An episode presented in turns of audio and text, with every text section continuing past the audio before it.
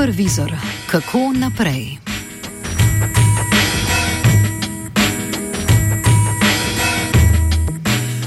Vse do jutri poteka drugi festival Film proti korupciji in je le del preventivnih aktivnosti pod skupnim imenom Teden boja proti korupciji, ki ga v sodelovanju s Slovensko kinoteko organizira Komisija za preprečevanje korupcije.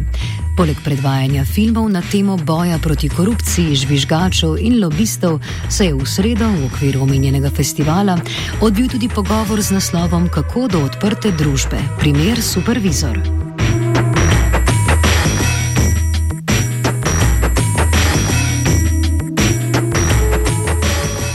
Pogovora, ki je zopet opozoril na marsikatero pomankljivost, so se udeležili predsednik protikorupcijske komisije Boris Štefanec, bivši predsednik komisije in pravosodni minister Goran Klemenčič, informacijska pooblaščenka Mojca Prelesnik ter strokovnjak za informacijsko varnost Matej Kovačič.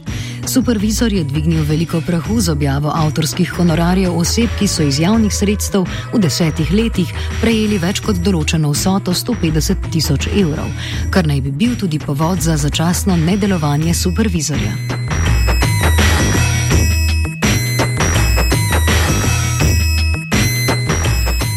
Aktualni predsednik Komisije za preprečevanje korupcije Boris Štefanec je na okrogli mizi samozavestno dejal, da supervizor danes deluje. Torej, supervizor danes deluje absolutno ob pregledu in ob popolnem pregledu sodelavcev Komisije za preprečevanje korupcije, stacionarno je pa v oblaku, ki je v upravljanju Ministrstva za javno upravo.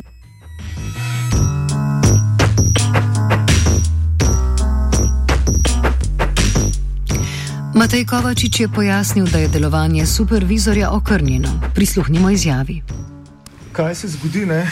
Ker recimo danes upišemo besedo supervizor v Google iskalnik. Um, zdaj veliko posameznikov, veliko uporabnikov interneta uporablja supervizor tako, da ne upišejo v URL, ne, ampak upišejo pač v, v Google supervizor. Ne, in zanj sem dobil pač od ene sodelovke, da ja, supervizor ni pač dostopen. Ne.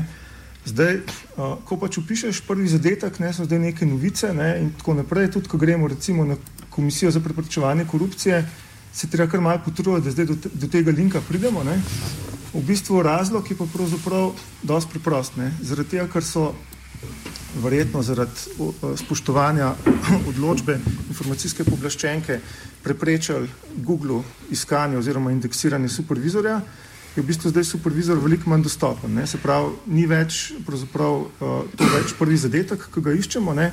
Skratka, jaz se malo bojim, da se supervizor zdaj Imam rekel, da je to namenoma, ne, verjetno sem, sem pripričan, da ni namenoma, ne, ampak v bistvu, če dalje teže dostopen postaja. Ne. Pa recimo drug tak problem, ki ga recimo lahko tle izpostavim, je, da se tukaj ne vidijo podatki ne, o nadzornikih, o direktorjih, o lastnikih, ne, podatki so pač odstranjeni, ne, kljub temu, da recimo ti podatki so dostopni na iPasu v PRS registru, celo kdorkoli lahko ta PRS registr zahteva kot informacija javnega značaja. Jaz sem recimo to dejansko naredil in sem dobil to bazo.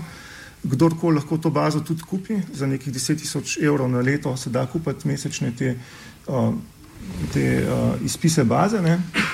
In pa so tudi recimo take stvari, ne vem, tukaj imam recimo en tak primerček, ne, kjer se vidi, da, da pač niso knjižbe povezane z, z cash flowom. Ne? Zdaj, ok, jaz tukaj dopuščam sicer možnost, ne, da, da so kakšne stvari pač niso bile še poknjižene. Ne.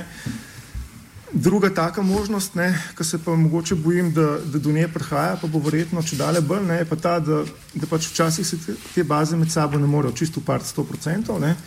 In uh, pač prej, ko se je s tem ukvarjal Primoš, ne, dosta aktivno, ne, take stvari pogledal ne, na roke, probo pač najdete neko rešitev. Ne.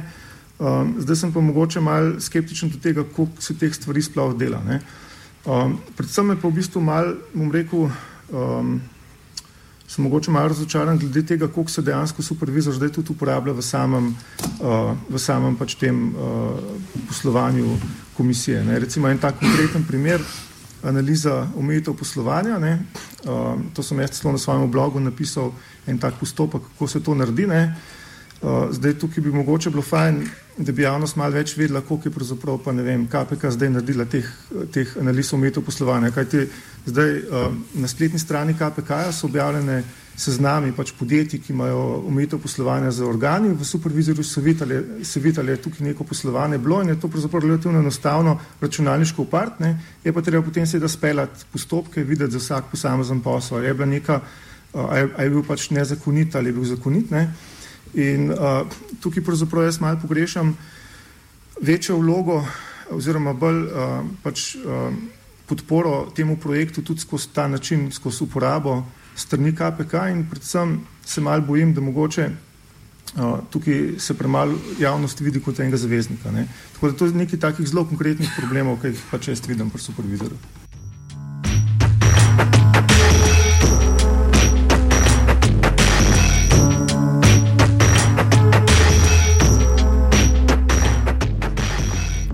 Delovanje je okrnjeno zaradi odredbe informacijske pooblaščenke. Mojca Prelesnik je pojasnila, zakaj je urad informacijskega pooblaščenca izdal odredbo. Ni vsega kriv informacijski pooblaščenec. Um, informacijski pooblaščenec oziroma državna nadzornica za varstvo osebnih podatkov je prepovedala samo iskanje preko Google um, in sicer zakon o sodnem registru ne omogoča iskanja družbenikov ali pa članov nadzornih svetov ali pa članov uprave po imenu in priimku. Um, saj ne na tak preprost način. Um, zakon o sodnem registru je do poletja, ko je začela veljati novela, absolutno prepovedoval iskanje po imenu in priimku. Skratka, niste mogli utipkati Boris Štefanec, da bi dobili vse podatke, ki je gospod Štefanec, bodi si družbenik, bodi si član uprave, bodi si član nadzornega sveta. Um, ampak ste lahko iskali samo po upisu subjekta, neke DO, neke DD, pač v posodnem registru. Absolutno niste mogli iskati po imenu in priimku. Novela zakona o sodnem registru, ki je poleti začela veljati, je pa to zrahlala in sicer do te mere, da je, da je določila, da se lahko išče po imenu in priimku, vendar moš kljub vsemu dati en dodaten ponder zraven. Bodi si moš vedeti emšo, bodi si moš vedeti davčno, bodi si moš vedeti do, domač naslov ne, tega družbenika. Skratka, in samo na ta način je dopustno iskanje. In tudi iPad omogoča iskanje samo na ta način. Tudi supervizor sam kot tak ni omogočil iskanja po imenu in priimku. Je pa omogočil supervizor kot tak, da je to počel Google s svojimi pajki. Ne? In državna nadzornica je, bom rekla, naložila samo, da supervizor oziroma KPK na supervizor naloži, naloži ustrezne filtre, da bo to onemogočeno. Ne? Zgolj in samo to. Skratka, supervizor kot tak že on, ni omogočil iskanja po imenu in priimku. Je pa to omogočil Google. In iPad enako, iPad ne sme, skladno z zakonom, ne sme omogočati iskanja na ta način. Tako da, um, da bo zelo jasno. Tud, um, to, kar se je potem pojavljalo, da pač so imena in priimki um, družbenikov, supervizorjev, omaknjeni zaradi odločbe informacijskega povlaščenca, je, je nekorektno, ne, ker ne drži. In tudi nadzornica je napisala v odločbi par primerov, kako bi se ta zadeva lahko rešila, skratka, s kakšnimi programi se to lahko reši. In moram reči, KPK ni edini organ, eh, ki mu je državni nadzornik eh, to naložil. Ne? In vsi organi so lahko sledili, ne bom rekla, eh, odločbi državne nadzornice, niti en organ nas ni tožil, vsi so lahko naložili te programe, ki so tudi brezplačno dostopni. Ne?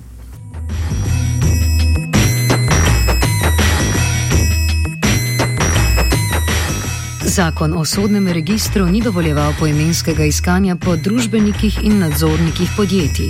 Cerarjeva vlada je ta člen zakona sicer črtala, a pod kompromisom, da se uvede dodatni identifikacijski člen. To ponovem pomeni, da je poimensko iskanje dovoljeno, a je potrebna dodatna informacija o osebi. Klemenčič razloži, kako je potekala sprememba zakona. Je bilo Ministrstvo za pravosodje tisto, ki je letos skupaj z Ministrstvom za gospodarstvo dalo pobudo za spre, spremembo zakona o poslovnem registru in zakona o, o sodnem registru. In izjemno, mislim, glede malo kakšnega zakona, pa je bilo toliko razprave v parlamentu kot glede tega. Tudi eh, na nasprotnih straneh so si bila z informacijsko povlaščenko, ker smo hoteli odpreti pač poslovni registr sodni registr v tistem delu, kjer se nanaša na poslovne subjekte. Um, jaz sem, to je ena to je ena od stvari, na katero sem bolj ponosen v tem slabem letu ministrovanja, da smo to odprli, zato ker sledi tistemu, kar sem prej rekel, pač to je stvar filozofije odnosa do zasebnosti in do javnih informacij. Tiš člen, ki se je potem deloma zaprl z dodatnim identifikacijskim znakom, je bil, je bil ušiv kompromis, ki smo ga morali sprejeti, zato da je sploh zadeva šla skozi. Jaz mislim, da bi se ga dalo, ampak to je moje mnenje, tvoje mnenje je absolutno legitimno, lahko drugačno in pristojen organ si, da drugače odločiš. Jaz mislim, da se ga bi dalo tudi drugače interpretirati. Ampak kaj za vsem tem stoji? Danes tle zgleda, ne? tudi kad nas poslušate ali pa če poslušate prejšnje mesece, kot da je zdaj to stvarjenega prepiranja med uh, uh, dvema inštitucijama, pa mogoče še kom, pa prejšnjimi, pa sedanjimi vodstvi, tako prvas kot prvas, uh, pa še malo programeri so se med sabo skregali, ne? pa tako naprej. Ne gre za to. Ne? Gre gre za to, da umanka razprava o tem, kaj naj bi dejansko bilo javno v Sloveniji, kaj naj bi bilo pa varovano kot osebni podatek.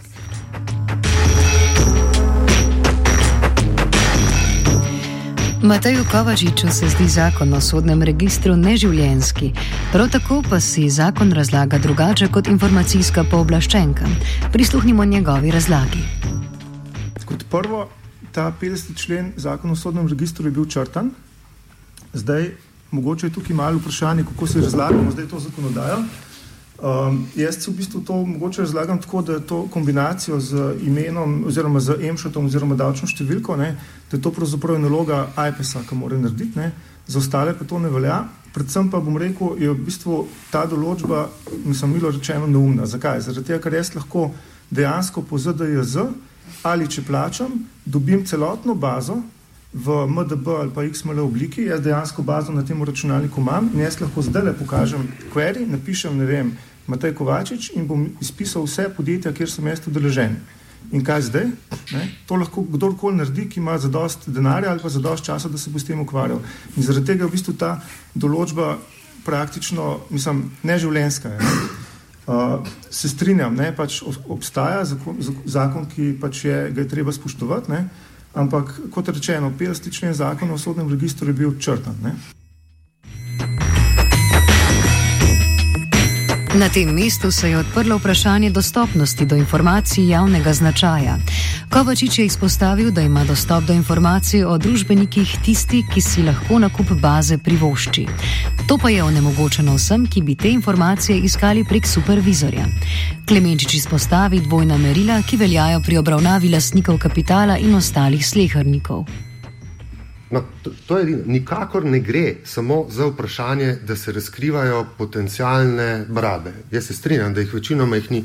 Pa gre preprosto za to, da smo prišli do, po moje, perverznosti v tem, da se zasebnost varuje primarno preko v bistvu varovanja lastništva. In to, to je to, kar me moti v, v samem konceptu. Ja.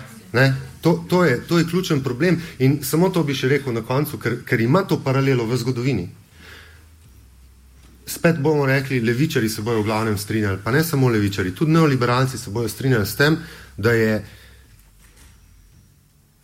v zahodnem pravnem sistemu, posebej ameriškem pravnem sistemu, bila v bistvu narejena ogromna napaka pred 150 leti, ko je ameriško ustavno sodišče reklo, da je korporacija oseba. Corporation is a person. In z tega je povezalo malo morje potem pravnih pravic in je vse skupaj postalo malo pravna perverzija v tem smislu, da danes korporacija ima. Ne. Pri nas v ustavno sodišče tega ni sicer potrdilo na ta način, ampak to je ta logika, ne, da človeka razgalimo, razen če je lastnik, takrat ima pa več zasebnosti, kot če je pač sam človek. To je pravo, je prepleteno s tem, to moramo priznati. Pa si lahko levičar ali pa desničar.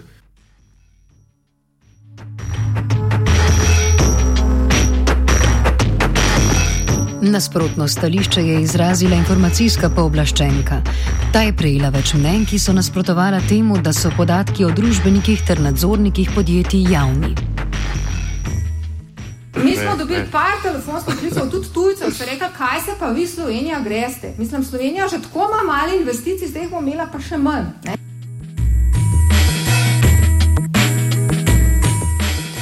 Kultivator zaključimo z ministrom Klemenčičem. V izjavi se jasno opredeli do dvojnosti meril, ki so trenutno pri nas uzakonjena.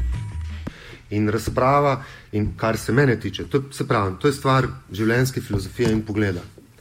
Jaz mislim, da je zasebnost mrtva v tistem delu osebnih podatkov, ki, se, ki jih damo v javnost in s katerimi nastopamo kot neki poslovni subjekti, funkcionari, javni uslužbenci z naravnim denarjem. In tukaj je zgodba že zdavnaj izgubljena, kar se mene tiče. Na drugi strani bi pa morali mislim, postaviti zadnje okope tistemu delu zasebnosti, ki se tiče posameznika. Razumete? V svojem avtonomnem razvoju, družinskih obdobjih, tiste osebne podatke, ki so imanentni posamezniku. In zato se tukaj ne bomo nikoli strinjala, da danes tudi naša zakonodaja z varstvo osebnih podatkov bolj varuje, ne vem, robe razumeti, ko bom zlev kot največji levičar, pa vendarle, bolj varuje kapitalista, kot pa posameznika v svojem, kot pa moža, očeta, ljubimca, geja, karkoli. Razumete? Ker, je, ker imate danes, to je fakt, na spletnih straneh objavljene prosi, dobitnike socialne pomoči ne, v strojno brljivi obliki. Je pa pol parlamenta, vključno z uradom informacijskega poblaščenca, nasprotovalo temu, da bi bil poslovni registr javen. Koliko fir, ne, ne, da bi lahko povezval, kol, v kolikih firmah si v pajku. Se vem, zmeraj hudič v podrobnostih potem pripravil. In tudi pri supervizorju se je izkazalo, da je temu tako. Smo ga naredili, tri leta je funkcioniral, tako ali drugače. Potem se je zgodila ena afera z objavo teh, prišlo je dosti prijav in danes ni hudiča. V supervizorju boste vi našli kakšno nezakonitost, jaz sem prepričan. Ne? Če jo boste tako, kot je posod najdeš. Ne? Ampak namesto, da bi vodili razpravo, o tem, ne, ne, ne kritiziram zdaj vas, da se razumemo, ne, katere stvari bi morali biti še javne, ne, se zmeraj vrnemo potem na, na tiste stvari, ki so tukaj še enkrat, gre za javno sredstvo, večinoma gre za javno sredstvo. Ne. Gre za ljudi, ki so v nekih poslovnih razmerih. In to v času, ko vi lahko v Google pogledate, razumete, za vsake spek je mabajto. Ne. Se mi tukaj ukvarjamo in pogovarjamo, razumete, kaj je v ne, s tem pa z onim členom, medtem ko greš ti na center za socialno delo, te slečejo, slečejo te. In kaj je informacijski poblaščenec? To ni kritika, vas lahko reče, reče ja v skladu z zakonom je, ker je zakonska podlaga. Mi se moramo pogovarjati o tem, a je ta zakonska podlaga dobra ali ni. A je to, da če si ti v svojem posamezniku, koliko imaš, kakšne otroke imaš in tako naprej, da moraš vse to dati državnemu organu, na drugi strani se gremo po, pravno, se gremo po pravne fore, razumete, da, da zablokiramo v poglede v različne kapitalske odnose in subjekte. To je meni perverzno v tem času in prostoru.